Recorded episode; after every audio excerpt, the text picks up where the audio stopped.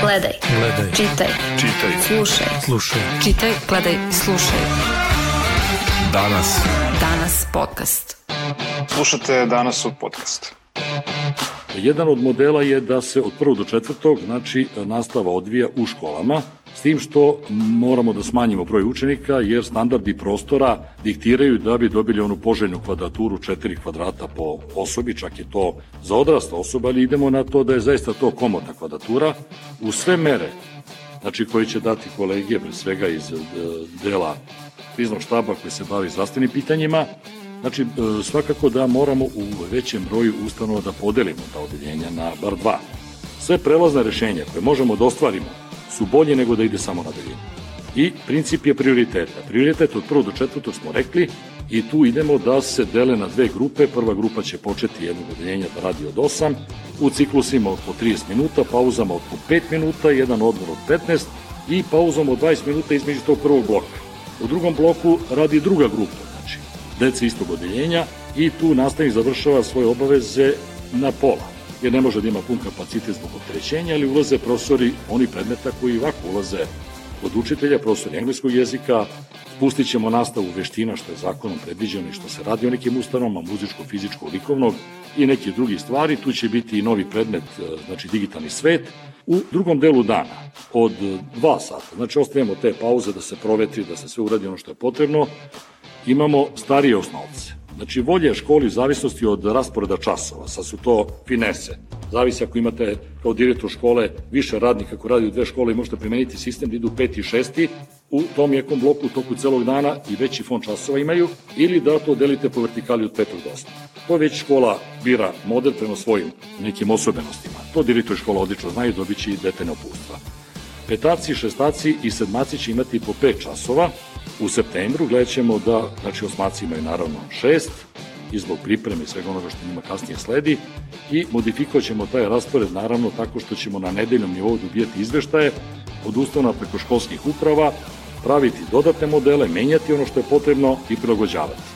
Ono što je možda novina i što smo rekli već u javnosti se čulo, imamo i priliku da roditeljima koji imaju objektivne strahove, da decu puste u školu, da li je to peti, sedmi razred, bilo koji. Mi preporučujemo svakako prvacima, čak i do četvrtog, da što više idu redom nastavi zbog socijalizacije dece i prilagođavanja na školsku sredinu, što je neminalan proces. Peti razred takođe preporučuje prelazak na predmetnu nastavu. Ali ako ste imali u kući neko koji bi ozbiljno bolestan ili preminuo, znači mi nećemo praviti pitanje da se roditelji opredeli u toku septembra, naglašavam, da mogu da prati isključivo online. Danas. Podcast. Do početka školske godine ostale su još dve nedelje.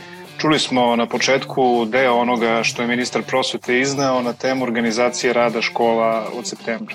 Čini se da je upravo ta konferencija kriznog štaba u utorak izazvala još veću konfuziju i kod roditelja i kod prosvetnih radnika. Priznajem, dok sam se pripremao za emisiju i samo mi nije bilo jasno kako će sve to da funkcioniš u praksi. O svim preporukama, propisima i nedoumicama razgovaram sa Vesnom Vojvodić iz Sindikata prosvetnih radnika Nezavisnost i Nevenom Buđevac, psihološkinjom i vanrednom profesorkom Učiteljskog fakulteta u Beogradu. Ja sam Vladimir Maričić, a vi slušate danas u podcastu. Slušaj. Danas podcast. Vesna, jeste li vi razumeli sve što je ministar ispričao o organizaciji nastave i što iz dana u dan pojašnjava u medijima? Odnosno, šta su za vas najproblematičniji delovi, odnosno slabe tačke ovog plana? Pre svega rekla bih da je ministar Šarčević negde ostao na svojoj dominantnoj liniji da u kontekstu jednog dramskog lika bude dosledno nedosledan. Pa je to nekako primenjivo i na ovu situaciju.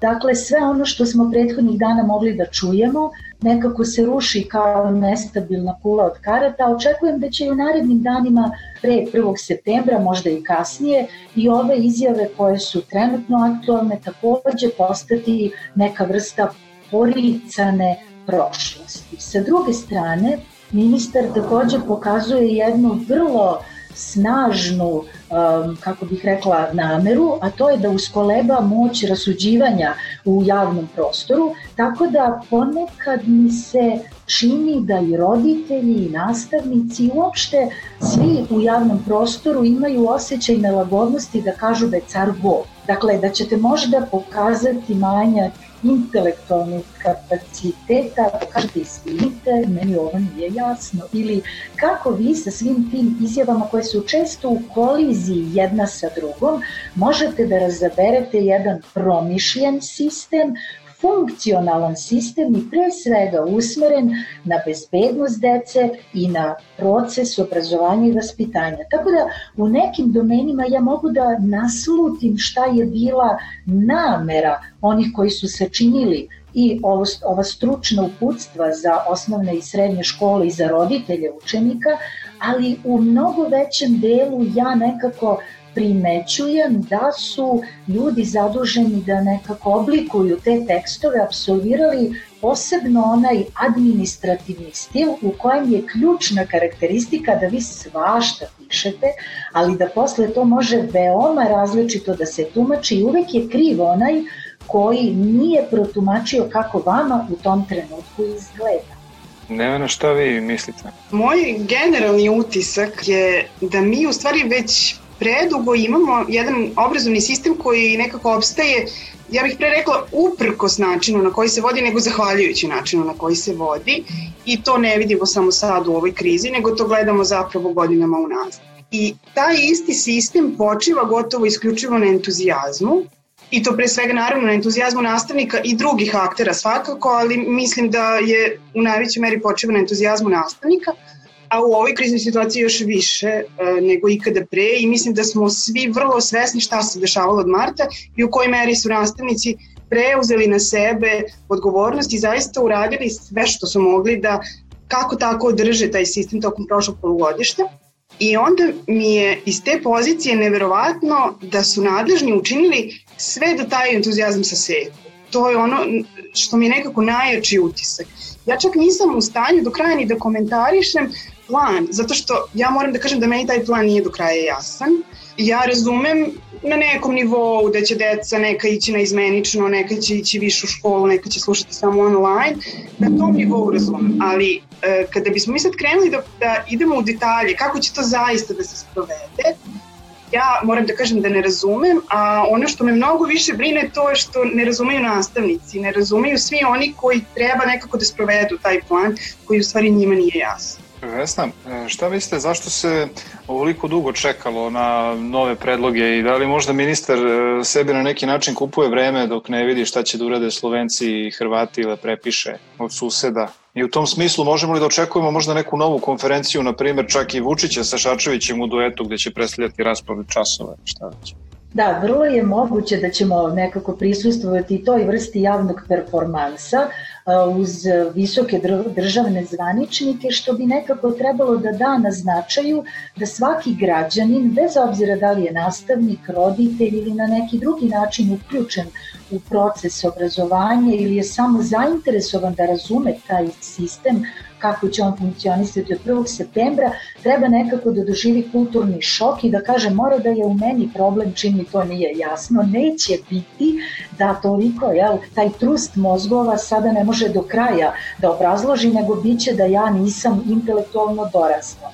Ono što je nekako meni više nego jasno jeste činjenica da kod nas vrlo često pamćenje ljudi u ovom užurbanom vremenu nedovoljno dugo traje. Ponekad pomislim kao da smo mi društvo sa oštećenim hipokampusom, pa nam ono kratkoročno pamćenje vrlo redko pređe u dugoročno.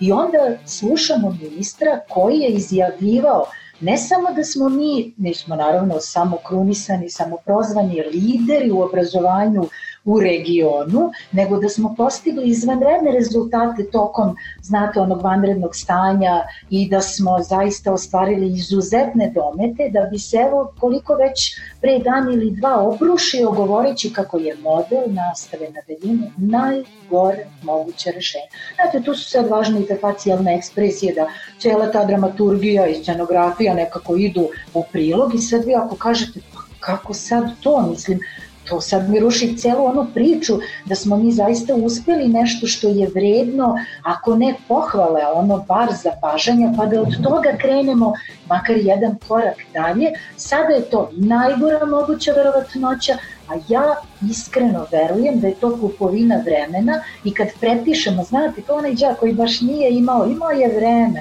jer vremena je bilo, ali nije imao motivaciju da nauči, to nekako da prepiše od onoga pored sebe i on to malo nekako upakuje na svoj način, onda je mnogo lepo reći kako je on to sve uradio kako treba, ali pogledajte vi kakvi su nam nastavnici, to je užas, kakvi su nam roditelji i tek đaci, pa ne može se to sa takvim ljudima realizovati da valja. Naravno sad sam i cinična, ali stvari u tome da zaista sa jednim obezglavim, kako bih vam rekla, jurcanjem, od jedne ideje do druge sa takvim hermetičnim tekstovima, vi zaista pokazujete kao ministar prosvete pa možda je pre teško reći da je ovo možda preveliki izazov za vas, ali je činjenica da ne postoji kontinuitet ni u jednom mogućem domenu kada je reč o obrazovanju i zato iskreno verujem da će se to ponavljati sve dotle dok je ta administracija u ministarstvu aktualna.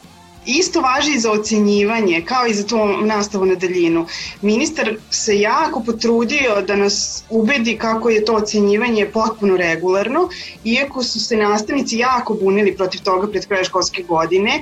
Danas je takođe pisao o tome ove, koliko su problematične te ocene koje se daju na daljinu, da bi nas oni uveravali kako je to sasvim regularno i odlično, da bi sad ministar rekao pre, ne znam, sedmicu, dve, kako može da se e, nastava drži na daljinu, ali po ocene moramo u školu. To je upravo e, na tragu ovoga o čemu Vesna priča, to da danas je ovako, sutra je potpuno suprotno. I to je ono što je stvarno zabrinjavajuće, jer vi ne možete sistem obrazovanja kao naravno ni neke druge, recimo zdravstveni sistem, da vodite ako niste informisani, odnosno vaše odluke moraju da budu zasnovane na nekim podacima. Na kojim podacima su zasnovane odluke koje se menjaju tako iz nedelje u nedelju, iz meseca u mesec? Meni je to zaista izuzetno zabrinjavalo. Upravo to, ja mislim da će ovo biti situacija grlom u jagode. APP, ako prođe, prođe, daj da probamo pa šta bude. E, ja lično ovako kao laički posmatrano plašim se nekog ružnog scenarija, mislim ja pesimista sam po prirodi, pa onda i očekujem verovatno da se, kad to sve krene po tim modelima, da se otvori neko novo žarište u nekoj školi i da onda opet se vratimo svi, ajde opet svi na online i nema više e, odlaska, jer plašim se da će biti teško sprovodive u praksi sve te mere koje je ministar pomenuo i sa strane epidemiologa. Mislim da je i preveliki teret nekako na prosvetnim radnicima u smislu M treba da predaju gradivo, treba da prate da li đaci nose masku, ne nose. Mislim da je to jedna, bit će jedna potpuna konfuzija kad sve to krene. Ministar je u, u ovoj izjavi pre neki dan rekao vidit ćemo kad to krene, prikupljat ćemo podatke od školskih uprava da vidimo da li funkcioniše, kako funkcioniše. Moj utisak je da se oni nisu ni sa kim ni konsultovali, moj utisak je da su oni morali unapred da prikupe informacije i da razgovaraju sa svima onima sa kojima rekla bih da nisu razgovarali. Ja verujem da Vesna bolje od mene zna ko je, odnosno ko sve nije bio uključen u te razgovore, a trebalo. Ja to posmatram potpuno sa strane, ali ono što čujem i što vidim je stvarno zabrinjavajuće, ta jedna, da kažem, arogancija sa kojom se e, nadležni obraćaju pre svega nastavnicima sa kojima treba da sprovedu taj plan, jer neće ga oni sprovoditi, nego oni koji nisu pitali za mišljenje, a koje takođe čije mišljenje ne čuju i zapravo ako i kažete mišljenje odmah vas proglašavaju za neprijatelja i tako dalje. Kako reaguju e, roditelji sa kojima ste pričali? Vesna, jeste vi razgovarali sa nekim roditeljima možda? Da. Imate prijatelje da, koji imaju decu koji su sada zabrinuti? Ja ponekad volim da kažem da možda deluje neverovatno, ali prosvetni radnici su istovremeno roditelji u ogromnom broju slučajeva.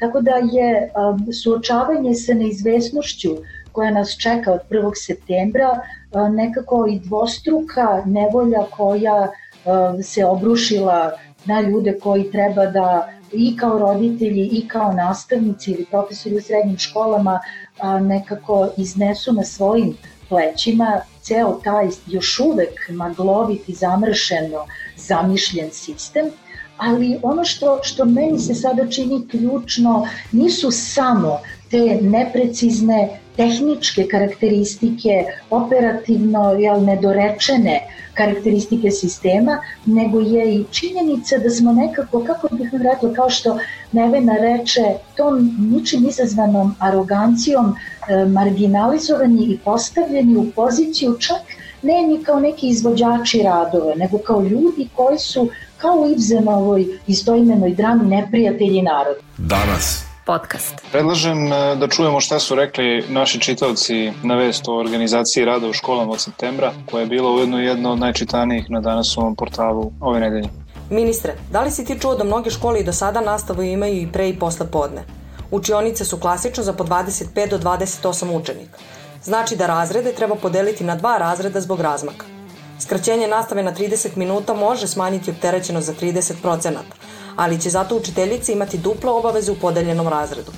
Drugo, forsiranje pohađanja mlađe dece je opravdano ako uzmemo u obzir da deca lakše podnose oboljevanje usled virusa. Ali deca odlaze i kući, tu su roditelji, a i bake i deke. A tada, kada se desi neko ubrzavanje širanja zaraze, sve ćemo gasiti kao i do sada. Ministre, da li znaš da neke škole još nemaju pijaću vodu u 21. veku, a kamali standard koji ste naveli? Kakva god je epidemiološka situacija, deca, pogotovo niži razredi, treba da pohađaju nastavu u školama. Mi smo jedina država koja će tako da postupa. U nekim zemljama zapadne Evrope školska godina je uveliko počela i deca idu u školu. Ukoliko je zabrinutost za baki i deke visoka, treba izbegavati susrete sa njima. Deca definitivno treba da budu u kontaktu sa vršnjacima i učiteljem ili nastavnikom, bez dalje. Apsolutno, moje deca jedva čekaju. Nikakvog smisla nema sedenje kod kuće. U Sloveniji, Luksemburgu, Francuskoj, Švajcarskoj deca su išla u školu još u maju i junu. Ovi modeli nastave su otudi preuzeti. Ne možemo žrtvovati budućnost miliona deca zbog eventualnog oboljevanja nečeg dede. U ostalom, deca se već odavno mešaju, druže, treniraju. Škola je najbezbednije mesto. Tinejdžeri bi gluvarili koje kude kao što to sada rade i ko zna kakvom stramputicom pošli ako ne bude škole. Idemo u školu. Svi, svi, svi. A da vidite tek pet PDF dokumenta u jednom mailu organizaciji nastave. I ništa konkretno. Sve se svodi na radite kako znate, mi smo vam poslali neke mogućnosti, a naravno da ćete vi biti krivi ako nešto pođe po zlu i da ćemo mi preuzeti zasluge za sve što valja. Krajnje vreme da se iz nižih razreda izbace ubačeni predmeti građanskog, odnosno aeronauke i drugog izbornog predmeta. Bolje nego da se skraćuju preko potrebna matematika i srpski. Krajnje vreme da se preispita odluka da na nivou zemlje imamo za jedan razred različite pakete učbenika koje sa sobom nose i različite oblasti koje se uče, kao i različit raspored oblasti u toku školske godine. Krajnje je vreme da ne pravimo formu od školstva, već suštinu. Krajnje je vreme za odluke, jasne, precizno osmišljene sa odgovornošću lica koji donose. Slušaj. Danas podcast. Kao što reče jedan čitalac, krajnje vreme da se preispitamo kad je reč o nekim strateškim odlukama u obrazovanju. U tom smislu, Nevena, šta mislite, kako će se korona odraziti na sistem obrazovanja dugoročno? Ono sa čim imamo problem generalno je što nešto grešimo, pošto greške same po sebi nisu problem i one su prirodni deo procesa učenja, nego što mi ne učimo u stvari iz tih grešaka i prirodno je što mi lutamo, ceo svet luta u ovoj situaciji. U martu smo se zaista zaista našli u jednoj situaciji u kojoj, s obzirom na sve, mislim da smo se izuzetno dobro snašli. Ali e, moj utisak je da mi nekako nismo mnogo napredovali od tog marta. Mi pola godine kasnije i dalje u stvari lutamo i ne znamo do kraja u stvari šta želimo, jer da znamo onda bismo, pretpostavljam, fokusirali snage, sve žive resurse koje imamo na to da opremimo škole, da pripremimo nastavnike, da pripremimo roditelje, da pripremimo decu, a to ne radimo i moj utisak je da je ova velika kriza da će se kako na sve drugo i tekako odraziti na obrazovanje. Jedan od problema sa kojima se naš obrazovni sistem već predugo nosi je što mi u stvari ne učimo našu E, učenike da uče, ne pripremamo ih za samostalno učenje i to se jako mnogo vidi u ovoj situaciji, kada su oni prilično prepušteni sebi, kada su roditelji zbunjeni jer ne znaju kako da im pomognu da uče, pa preuzimaju na sebe i ono što ne treba da preuzimaju na sebe u želji da im nekako pomognu. Mi već jako dugo takođe nemamo fokus na učenje i na znanje u našim školama, nego se uči za ocenu i to smo takođe mogli da vidimo u prošlom polugodištu uh, kada više nismo bili sigurni da li ocenjujemo učenike ili nastavnike i to je, on, to je i razlog zašto su se nastavnici toliko bunili protiv te naredbe ministarstva da mora po svaku cenu da se ocenjuje. Dakle, e, različite slabosti našeg obrazovnog sistema su isplivale. Isto to i što se škola nedovoljno oslanja na obrazovne tehnologije. Obrazovne tehnologije, obraz, tehnologije obrazovanja i tekako mogu da budu korisne, ali mi do sada nismo imali priliku da ih koristimo.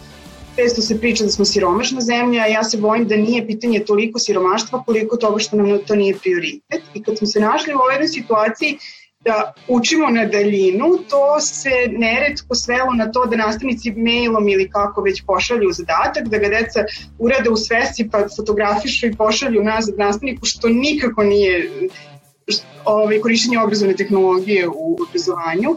I s obzirom na sve to ja se bojim da ćemo mi jako puno u stvari izgubiti i da će se to i tekako odraziti, a da istovremeno propuštamo priliku da to što vidimo kao slabosti nekako nadoknadimo. To je ono što, što mislim da je veliki problem.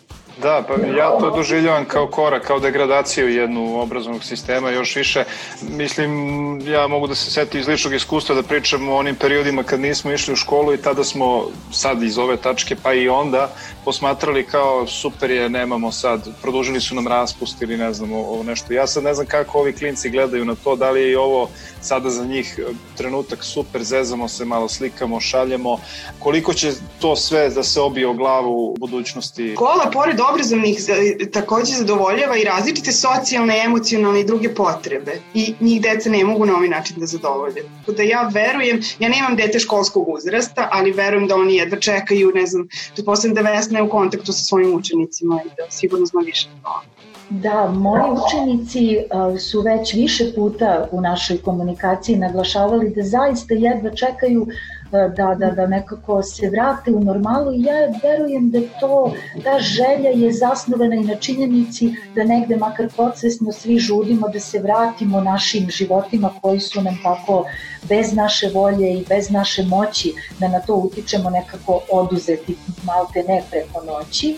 A, ali bih jako volela da ovu neveninu priču možda dopunim nekim elementima tog mozaika, recimo za mene je poražavajuća stvar ne samo što je ministar u svojim nastupima tokom još marta meseca govorio o online nastavi misleći pre svega na gledanje televizijskih snimljenih časova. Za mene to nekako bilo, znate, ne samo da se možda čovek pogrešno izrazio, nego da prvi čovek srpske prosvete nekako i sam u glavi nema jasno definisane pojmove šta znači interaktivna komunikacija u smislu edukacije i da je za njega to snimljeno kad dete gleda na televiziji nekako valjda dovoljna stvar. E, kada pogledate malo ispod površine, vi vidite da je e, naš sistem propustio sve te, da kažem, mesece i prolećne i letnje, da recimo učini nešto što je puka tehnikalija, a mnogo može da doprinese. Recimo, mnoštvo naših škola uopšte nema domen onaj edu.rs pomoću kojeg bismo mi mogli da koristimo razne besplatne i softvere i platforme i da nekako i naše đake dovedemo u poziciju da kvalitetnije i korisnije mogu da preuzimaju sadržaj, da komuniciraju sa nama, nego znate, ja iskreno strepim da će ono puko šarenilo, da sad sa, ne znam, nastavnikom hemije rade preko, ne znam, Vibera, da sa nastavnikom engleskog rade preko Whatsappa, da ne znam, sa trećim nastavnikom rade preko Google učionice, sa ne znam, petim rade preko Zuma. Znate, to sve deluje da se ljudi trude, ali zamislite konfuziju u glavi jednog mladog čoveka koji mora na 5-6 različitih načina da pokazuje šta je usvojio, koje su to veštine, koja su to znanja.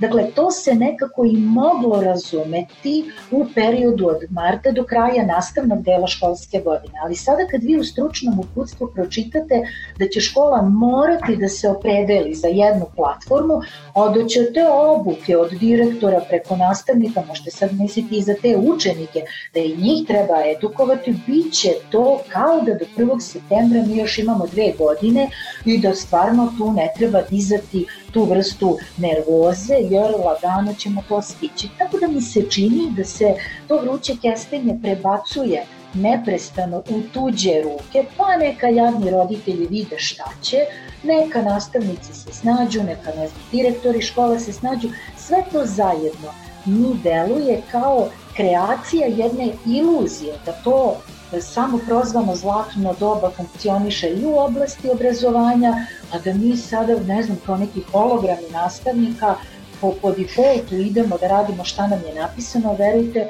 kada bih ja tražila da mi sam ministar protumači te rečenice, nisam sigurna da bi se bolje snašao od bro, izvesnog broja mojih džaka postoji strah da će sada nastavnici mnogo više morati da rade upravo zbog odsustva te organizacije, te sa jednom grupom prepodne, te sa jednom popodne. Negde sam pročitao čak i komentar da svakako im neće biti problem da ispune onu normu, ili kako se to zove, fond časova. Ja. Šta mislite o svemu tome? Mislim, pritisak je sigurno i na njima svakako. Znate kako, ovaj, jasno je i matematika je neumoljiva. Ako vi imate zaduženje za šest odeljenja, a treba da ih delite, kako reče ministar, bar na dve grupe, da ćete vi zapravo raditi sa 12 grupa, čak i ako ne želite da izgovorite tu bolnu reč sa 12 odeljenja. Ako imate određen fond časova u svakom odeljenju na nedeljnom nivou, vi vrlo lako dolazite do zaključka da ćete vi umesto 18 ili 20 časova dakle, izvođenja nastave imati sada 36 ili 40. To je samo deo one 40-časovne radne nedelje, jer do punog iznosa te norme vi imate i pripremu za nastavu, imate i dežurstvo, imate dodatni rad, kakve veze ima da li mi radimo preko neke platforme ili uživo, dodatni ili dopunski rad koji je takođe možda čak još i značajniji kao podrška učenicima koji ne mogu da, da razumeju i da prihvate, da usvoje te sadržaje, vi se nekako pitate pa šta sada to znači. Ministar je nekoliko dana izbegavao da obrazloži na čemu temelji svoju tvrdnju da mi nećemo imati da kažemo, dupliranu normu za rad, jer znate, na kraju krajeva i taj entuzijazam može da bude, kako bih rekla, neki leteći ćelin na kojem ćemo mi uspeti da savladamo te prepreke, ali i on ima svoje, kako bih rekla, manje nedostatke i u jednom trenutku ćete reći pa ako ste to tako zamislili da od 8 do 14 recimo budem u školi sa polovinom đaka, od 14 do 20 uslovno rečeno da radim sa drugom, mislim dokle mislite da će to da traje. Ali ono što mi se čini da negde između redova ovog stručnog uputstva, da sam mogla da naslutim, verujte mi, mene to ispunjava još većom strepnjom. A ako dobro tumačim to što je upakovano u tu sjajnu foliju, trebalo bi da polovina mojih učenika bude tokom jedne sedmice fizički na nastavi, a da onoj drugoj polovini ja nekako šaljem materijale, ali na način da ne prekoračim svoju da kažemo, normu i da onda ti učenici jel, budu nužno uskraćeni za, ne samo za moju živu reč, nego i za sva ona objašnjenja koja nužno idu uz predavanje određenog nastavnog sadržaja.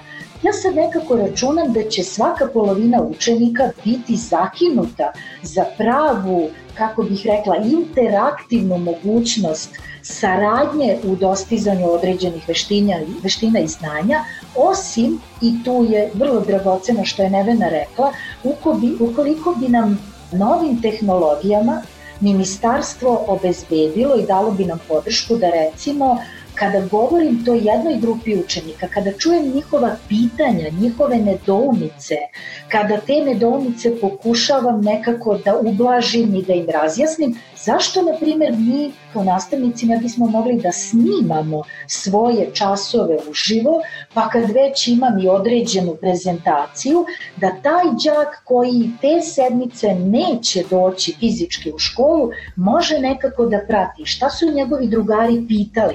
I možda šta im je bilo nejasno do smeha, gde je to gde su nekako žargonski rečeno, kako vole da kažemo đaci, zabagovali? I šta je to zašto nekako misle da je lišeno možda smisla, zašto, vrlo često mene džaci pitaju, a zašto nam je to važno? E, te krucijalne stvari bi možda mogle da se prenesu i toj drugoj deci, ali da li ste vi čuli da ministarstvo uopšte pomišlja na to? Ja nisam. Pa upravo to sam htio da kažem, mislim da će tu biti mnogo prostora za improvizaciju, kao i kad smo išli u školu nije svaki profesor isti ne, neko pristupa svom predmetu drugačije, tako će verovatno i ovde postojati profesori koji će snimati preko Zuma te svoje lekcije pa slati đacima koji ne mogu, mislim da pogledaju predavanje koje ne mogu, neće čekati možda da je ministarstvo ovde propiše šta da rade.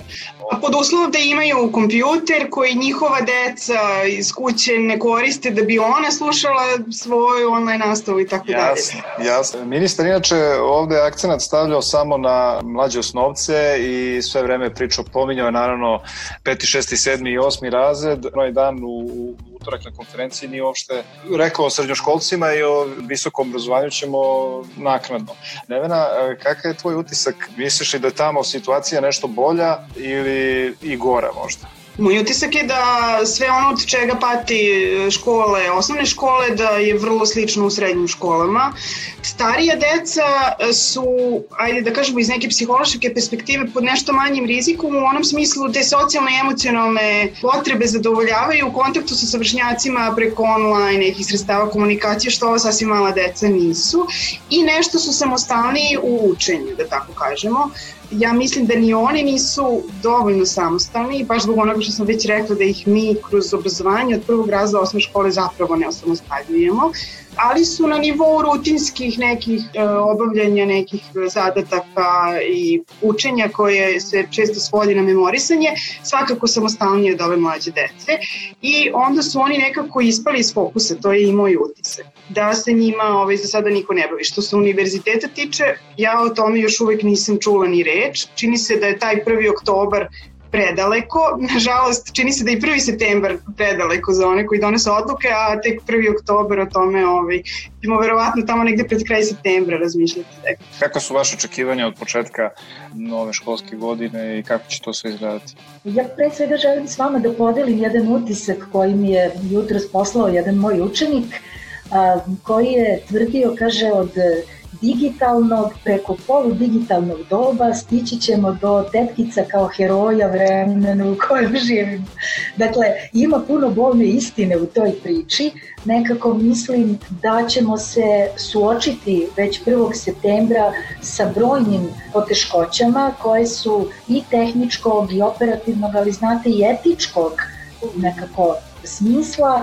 Jako strepim da će ova vrsta sistema da se uruši prvom prilikom kada recimo budete imali nekog ili nekoliko učenika ili zaposlenih koji su već ispoljili simptome, vama kada ode nekoliko nastavnika i nekoliko odeljenja iz škole u karantin, vama je potpuno kolabirao ceo sistem, ne postoji nikakva šansa i nikakva nada da mi možemo da zamenimo te nastavnike i da će svi ti učenici moći da prate samo online nastavu, tako da bojim se da nam je sudbina negde sa ovakvim vrlo kako bih rekla, labavim saopštenjem, dosta hermetičnim, da se sami borimo, da sami razmišljamo kako da plivamo kroz te mutne vode i visoke talase. To, nažalost, i nije prvi put, ali tužno je što e, nema napretka u tome i da ćemo morati da istovremeno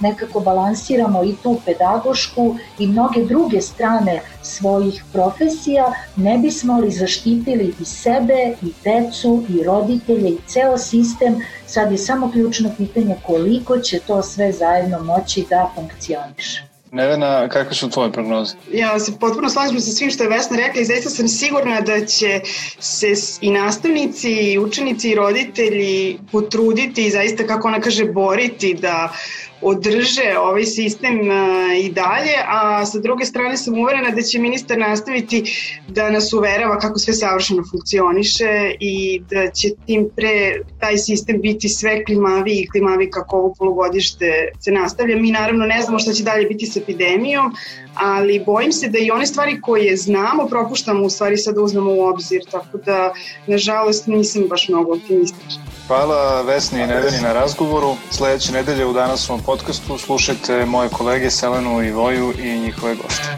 Gledaj, Gledaj. čitaj, Čitaj. slušaj. Slušaj. Čitaj, gledaj, slušaj. Danas. Danas podcast.